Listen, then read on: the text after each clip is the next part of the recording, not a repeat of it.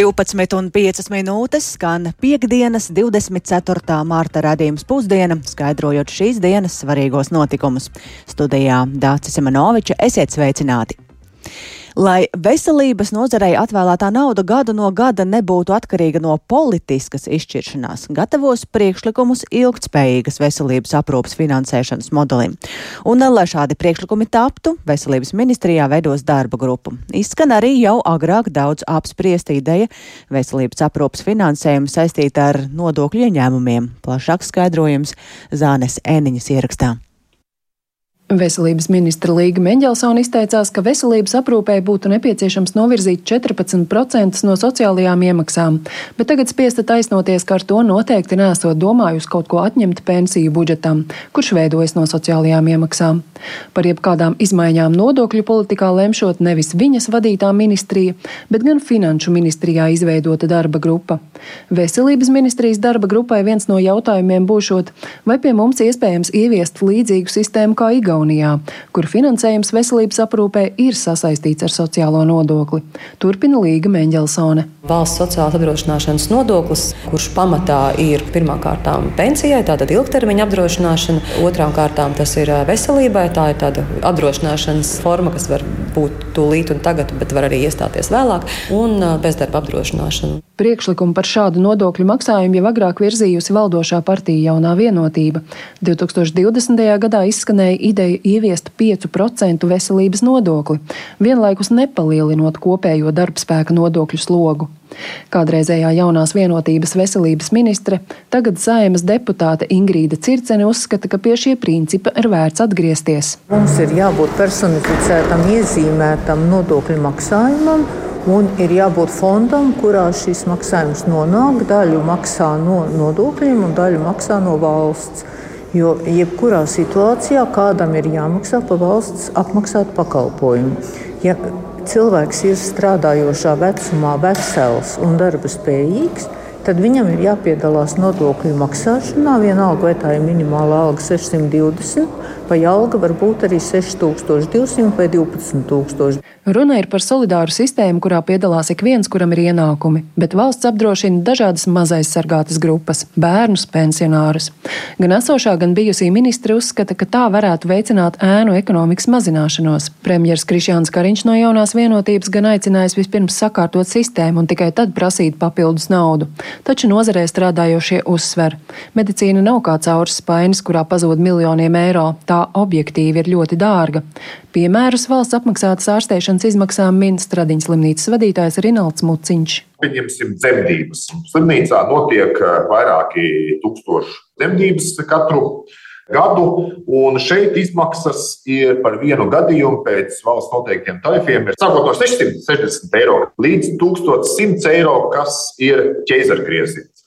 Vai, piemēram, vēdera aortas epizēšana maksā operācija kopā ar pacienta atvesaļošanās periodu, maksā 13,000. Viens gadījums Nu, ja mēs runājam par transplantācijām, tad tur izmaksas ir eh, sirds transplantācija 35, aknu transplantācija 44 tūkstoši. Stradiņas slimnīcā arī aprēķināts, ka viena pacienta ārstēšanās izmaksā vidēji 2625 eiro. Vidējais uzturēšanās ilgums ir 5 dienas, bet valsts par to samaksā atbilstīgi tarifam - tikai 1800 eiro. Piemērs atklāja, ko konkrētai iestādē nozīmē finansējuma trūkums. Deficītu varētu aizpildīt, ieviešot ar nodokļiem sasaistīto obligātu privāto veselības apdrošināšanu, ir pārliecināta Ingrīda Circene.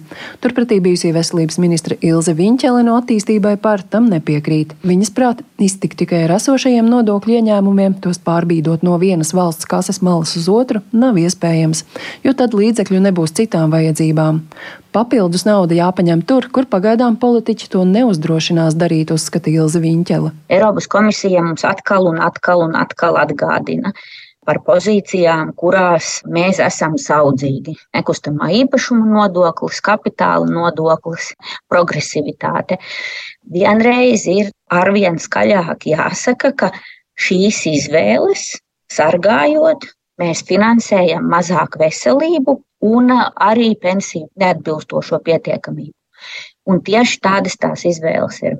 Ja mēs gribam būt salīdzinoši lēta zeme bagātiem cilvēkiem, tad veselībā mums vienmēr pietrūks. Punkts.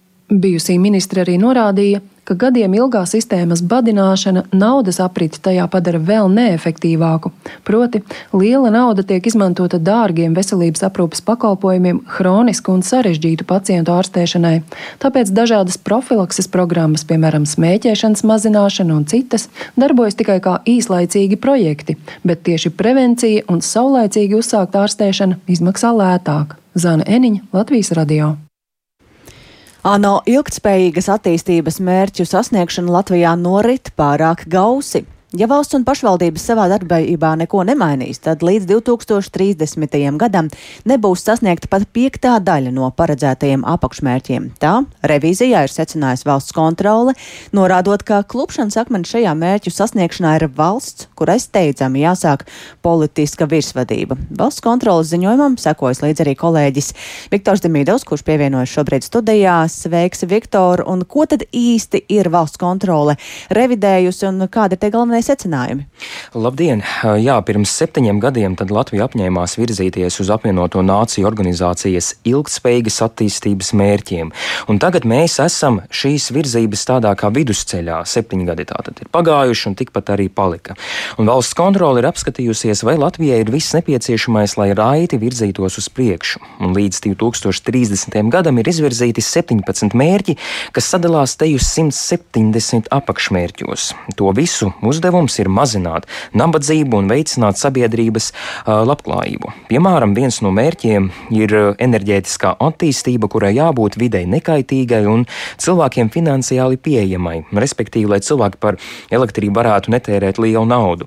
Un, kā teica valsts kontrolas padomas loceklis Edgar, Edgars Korčagins, Tad, sabalansējot ekonomiskās attīstības, vides un sociālos aspektus, ir veids, kā skatīties uz ilgspējīgu attīstību.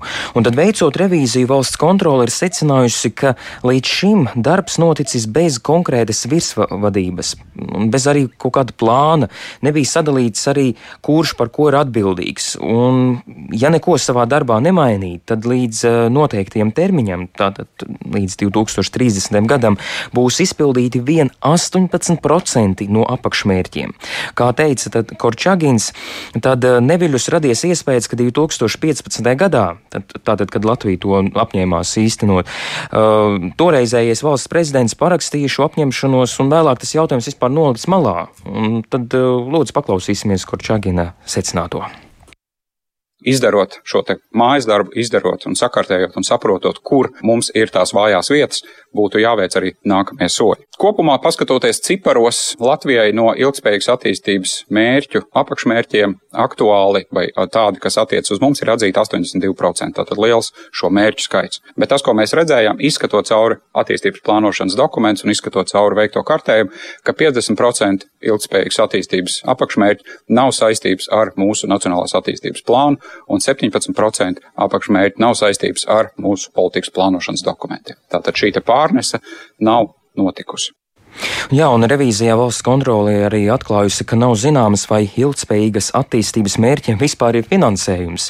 Un, lai vēlamajam virzītos, valsts kontrole norāda, ka steidzami ir jāsāk politiska virsvadība, un tad kopīgiem spēkiem augstā līmenī jārisina šie izaicinājumi. Tā tad aktīvākam ir jābūt gan valsts prezidentam, gan arī ministru prezidentam. Nu, proti, apņemšanās ir bijusi, bet ar to izpildi mums uh, nesoks labi. Ko saka eksperti?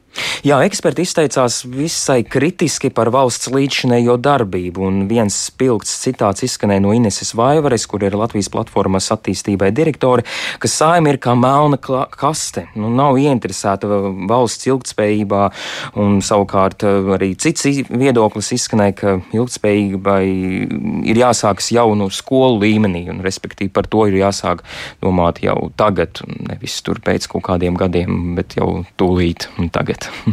Paldies tev, tik tālu Viktors Demidovs, um, un plašāks viņa skaidrojums arī raidījumā pēcpusdiena. Mēs turpinām ar to, ka Briselē šodien turpinās Eiropas Savienības valstu līderu sanāksme un diskusijām pievienojas arī Eiropas centrālās bankas vadītāja Kristīna Lagārda, kā arī Eirogrupas vadītājs Paskāls Donuhu. Un viens no karstākajiem tematiem aizvadītajās nedēļās ir Eirozonas un tās komercbanku stabilitāte. Tagad gan nestabilitātes posma finanšu tirgi ir lielā mērā pārvarējuši jautājums, protams, uz cik ilgu laiku. Tomēr Eiropas centrālā banka pēc Amerikā esošās Silicon Valley Bank bankrota un problēmām Šveicē ar Credit Suisse mēģina visus nomierināt, ka kopš 2008. gada finanšu krīzes daudz kas ir paveikts un līdz ar to arī šobrīd nav gaidāma iepriekšējās krīzes atkārtošanās. Tam piekrīt arī Briseles domnīcas Brugela ekonomists Žots Darvašs, un paklausīsimies kolēģi Arčama Konohova intervijas fragmentu ar Darvašu. In the US, we have seen very specific problems, namely the Silicon Valley banks ASV ir bijušas specifiskas problēmas, jo Silicon Valley Bank bija investējusi aptuveni pusi no savas bilances ASV valdības vērtspapīros, kas parasti ir ārkārtīgi drošas. Bet šī banka to izdarīja pirms diviem gadiem, kad procentu likmes bija ļoti zemas. Kopš tā laika procentu likmes ASV ir ievērojami pieaugušas. Tas nozīmē, ka valdības vērtspapīra vērtība būtiski samazinājās. Tādēļ banka sastapās ar uzticības krīzi. Noguldītāji sāka izņemt savu naudu. Bankai bija jā jāpārdod daļu no valdības vērtspapīriem, bet to varēja izdarīt tikai ar lielu atlaidi. Līdz ar to bankai radās zaudējumi un situācija kļuva nepanesama. Tagad arī Signature Bank bija ieguldījusi ievērojumus līdzekļus kriptoaktīvos, šādi uzņemoties unikālus riskus, bet pat ASV neviens nerunā, ka lielajām bankām būtu kādas problēmas. Arī Credit Suisse ir īpašs stāsts. Šai bankai bija problēmas vairāku gadu garumā, kas ir saistītas ar naudas atmazgāšanu un sliktu pārvaldību. Šī situācija tika atrisināta, kad Credit Suisse pārņēma lielākā Šveices banka UBS. Eiropas Savienībā mēs šādas problēmas neredzam. Patiesībā, tad, kad investori bija nervozi par situāciju Šveicē, noguldījumi aizplūda uz Deutsche Bank un citām lielajām Eirozonas bankām. Līdz ar to es pilnībā piekrītu Eiropas centrālās bankas vērtējumam, ka mums nedraud 2008. gada pasaules finanšu krīzes atkārtošanās. So, That we are not facing a global financial crisis as in 2008. Šveices politiķi jau izsaka bažas, ka pēc šīs vairāk vai mazāk piespiedu konkurentu pārņemšanas UBS ir palikusi tik liela, ka gadījumā, ja tai kādreiz būs problēmas, tad nav skaidrs, kurš varēs palīdzēt. Turklāt, jebkādas kļūdas šīs bankas vadībā var maksāt pasaules finanšu tirgiem ievērojumus līdzekļus. Vai jums arī par to ir bažas? Do you have, do you share this fear? There are other big banks as well Visā pasaulē ir arī citas lielas bankas. Ir skaidrs, ka UBS tagad ir kļuvusi par ļoti lielu banku. Ja nemaldos, tad tā tagad ir trešā vai ceturtā lielākā banka pasaulē pēc kapitāla apjoma. Tas nozīmē, ka gadījumā, ja UBS rastos grūtības, tad tas radītu sistemātiskus draudus ne tikai Šveicē, bet arī citās valstīs, kam ir ciešas saiknes ar šo banku. Tomēr noteikumi sistemātiski nozīmīgām bankām nosaka krietni lielākas kapitāla un likviditātes prasības. Līdz šim UBS ir varējusi izpildīt šīs prasības un saglabāt investoru uzticību. Tādēļ recepte ir diezgan vienkārša. Banku darbības noteikumiem ir jāpaliek stingriem, bankām nebūtu jāiesaistas naudas atmazgāšanā, tos būtu jāvada cilvēkiem, kas investoriem rada uzticību. Šādi var izvairīties no problēmām. Tā Briseles domnīcas ekonomists Žolts Darvešs sarunā ar Arķomu Konohovu. Tikmēr ASV varas iestādes ir sākušas izmeklēšanu pret Šveices bankām, Credit Suisse un UBS par iespējamu palīdzību sankciju apiešanā Krievijas oligarhiem. Tā vēsta aģentūra Bloomberg atsaucoties uz vairākiem informācijas avotiem, norādot, ka izmeklēšana sākta vēl pirms Credit Suisse problēmām un pirms to iegādājās UBS. Un turpinot par sociālajiem tīkliem, tad jūta ir kļuvusi par pirmo Amerikas Savienoto valstu štatu, kurā pieņems likums, kas ierobežos pusauģu piekļuvi sociālajiem medijiem. Strīdīgi vērtētais likums ir pieņemts, jo vecāki un likumdevēji aizvien vairāk bažīs par to, ka bērni un pusauģi izmanto sociālos medijus un to, kā TikTok, Instagram un citas platformas ietekmē jauniešu psihisko veselību. Kritiķi gan norāda, ka likumprojekts padarīs lietotāju datus mazāk mazāk drošus un plašāk šo skaidro Rihards Plūme. ASV likumdevēji jau gadiem ilgi ir aicinājuši ieviest jaunus drošības pasākumus, lai aizsargātu pusauģus tiešsaistē, ņemot vērā bažas par sociālo mediju ietekmi uz garīgo veselību, reizēm jauniešus pat novadot līdz pašnāvībai. Līdz šim neviens federāls tiesību akts netika pieņemts, bet tagad, līdz ar jūtas štata lēmumu, tas ir mainījies. Jūtas republikāņu gubernators Spencers Koks parakstījis likumu, kura mērķis ir ierobežot bērnu un pusauģu iespējas izmantot sociālos medijus un atturēt uzņēmumus no bērnu pievilināšanas šīm vietnēm. Mūsu administrācija ir ļoti nobežījusies par to, kā sociālajie mediji ietekmē mūsu bērnu veselību. Depresija un citas mentālās veselības problēmas jauniešu vidū pieaug. Sociālo mediju kompānijas zina, ka to produkti ir toksiski. Tās veido savas lietotnes tā, lai tās radītu atkarību. Kā līderiem un vecākiem, tā ir mūsu atbildība pasargāt mūsu jauniešus. Pieņemtais likums paredz, ka sociālo mediju uzņēmumiem ir jānodrošina vecākiem piekļuve viņu bērnu kontiem. Tāpat jānosaka aizliegums jauniešiem, kas nav sasnieguši 18 gadu vecumu, izmantot sociālos medijus no 10.30 vakarā līdz 6.30 rītā, kā arī jāpārbauda vecums visiem jūtas iedzīvotājiem, kas grib izmantot sociālos medijus. Sociālo mediju uzņēmumiem nevien jānodrošina tas, ka bērni izmanto sociālos medijus tikai ar vecāku piekrišanu, bet arī jāizpilda likuma noteiktais aizliegums piesaistīt nepilngadīgos ar reklāmām un parādīt tās meklēšanas rezultātos. Plānots, ka jaunais likums jūtās stāsies spēkā no 2024. gada mārta un tiek pieļauts, ka sociālo mediju uzņēmumi to apstrīdēs tiesā. Tehnoloģiju rūpniecības lobiji likumu jau ir kritizējuši kā nekonstitucionālu. Tikmēr nevalstiskā organizācija digitālajos jautājumos Electronic Frontier Foundation uzskata, ka jūtas īpašais noteikumu kopums ir bīstams attiecībā uz lietotāju privātumu. Proti viņu ieskatā likumprojekts padarīs lietotāju datus mazāk drošus piekļuvi internetam mazāk privātu un pārkāps jaunāku lietotāju pamattiesības. Citi kritiķi savukārt norāda, ka likums ierobežos jauniešiem tik būtisko socializēšanos, kā arī ierobežos iespējas iegūt informāciju. Arī citos štatos tiek izstrādāti līdzīgi likumi. Piemēram, Konektikutas vai Ohio štatos nākotnē varētu tikt pieņemti likumi, kas paredz, ka sociālo mediju uzņēmumiem ir jāsaņem vecāku atļauja, pirms lietotāji, kas jaunāki par 16 gadiem, var reģistrēties. Rihards Plūme, Latvijas radio.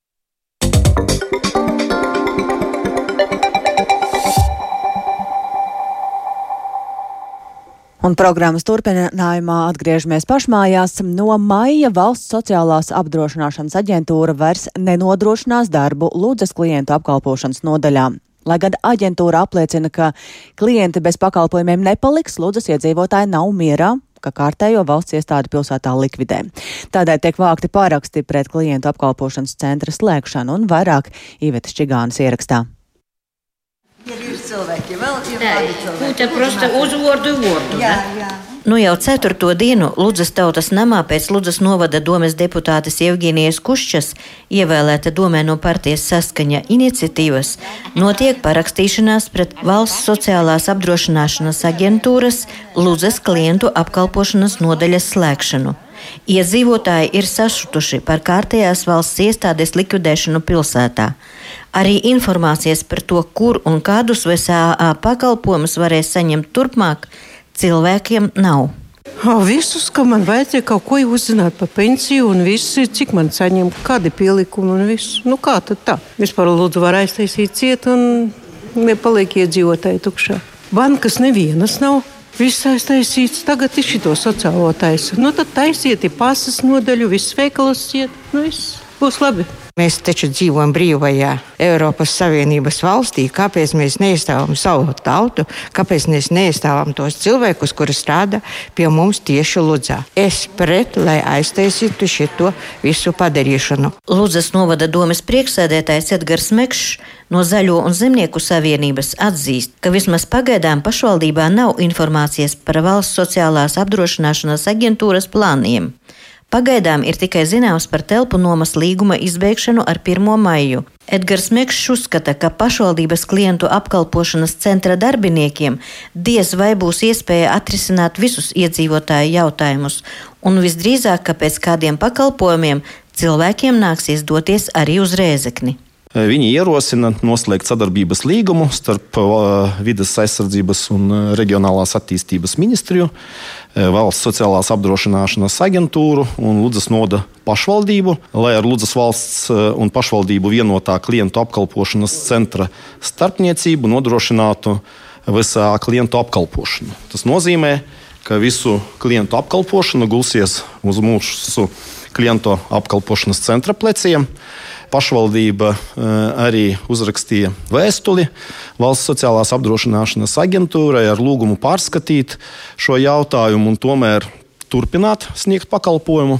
Dienā valsts sociālās apdrošināšanas aģentūras Ludzas klientu apkalpošanas nodaļā tiek saņemti vidēji 25 iesniegumi, stāsta aģentūras direktora vietniece Ilze Andersone lielāko skaitu veido pabalsta iesniegumi, tas ir vai slimības pabalstam, pensiju pieprasīšanas iesniegumi. Mēnesī tātad bija 34 vidēji apmēram iesniegumi. Tad eh, mēnešu laikā tātad eh, apmēram bija pieņemti 400 iesniegumi, un 30, eh, 35 gadījumos, 35 gadījumos cilvēkam vēl papildus bez iesnieguma bija jāiesniedz šie darba stāža apliecinoši dokumenti. Ja? Tātad šī gadījumā tiešām bija vajadzīga VSA darbinieka klātiena, ja, lai to varētu pieņemt. Pārējos, pārējos iesniegumus cilvēks var iesniegt arī vienotā klienta apkalpošanas centrā vai izmantojot e-pakalpojumu. Ilze Andersone skaidro, ka pašvaldības klientu apkalpošanas centrā pieejamas arī attālinātas speciālistu konsultācijas, taču neizslēdz, ka varētu būt arī gadījumi, kad cilvēkiem būs jādodas uz tuvāko aģentūras klientu apkalpošanas centru. Pēdējo trīs gadu laikā slēgtas divas valsts sociālās apdrošināšanas aģentūras klientu apkalpošanas nodeļas, abas Latgalē, Preļos un Līvānos. Tagad pienākusi Ludzas kārta. Taču iedzīvotāji ar to nav mierā un triju dienu laikā jau savākti pusotras tūkstotis parakstu pret klientu apkalpošanas nodeļas slēgšanu Ludzā. Iveta Čigāne, Latvijas radio studija Latgalē. Un vēl Latvijas universitāte plāno ievērojami samazināt fakultāšu skaitu. Šobrīd, šobrīd ir runa par četrām fakultātēm, šī brīža 13 vietā, un par labākiem variantiem diskusijas pat labam turpinās. Lūko sacīja rektors Indričs Mužnieks pēc diskusijas ar mācību spēkiem, studentiem un fakultātes dekānu Latvijas universitātes sociālo zinātņu fakultātē. Padomu mums ir ar savu lēmumu teikusi, ka vajadzētu būt nu, četrām fakultātēm. Nu, droši vien tas ir pēc startu piemēra vai pēc ļoti tādām klasiskām universitāšu struktūras. Idejām. Nu, tas, kas mums atbilst tajā mūsu arī strateģiskās specializācijas virzienā, tas ir dabas zinātnes, humanitārās zinātnes, medicīna un veselības zinātne un, protams, sociālās zinātnes. Bet uh, lēmumu var mainīt, un mēs, protams, meklējam optimāli mazāko šo fakultāšu skaitu. No studentu viedokļa tur būtu ieguvumi brīvākā migrēšanā starp uh, studiju programmām, kursu izvēlēm. Zinātnes ziņā nu, lielākās vienībās administrējums, vien, tās aktivitātes dot arī, es ceru, labāku pienesumu projektu piesaistē.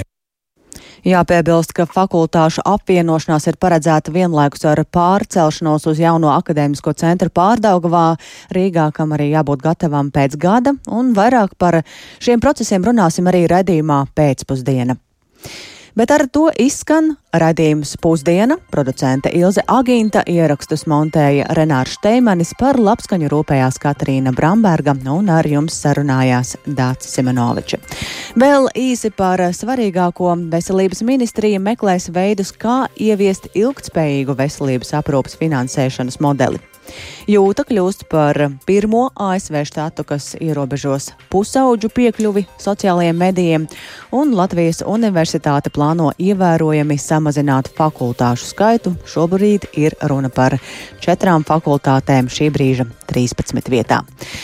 Latvijas radio ziņas un arī raidījumi ir atrodami raidierakstu platformās, tāpat arī mūsu mobilajā lietotnē, un mūsu ziņas meklējiet arī sabiedrisko mediju ziņu portālā LSMLV un sociālajos tīklos. Yeah.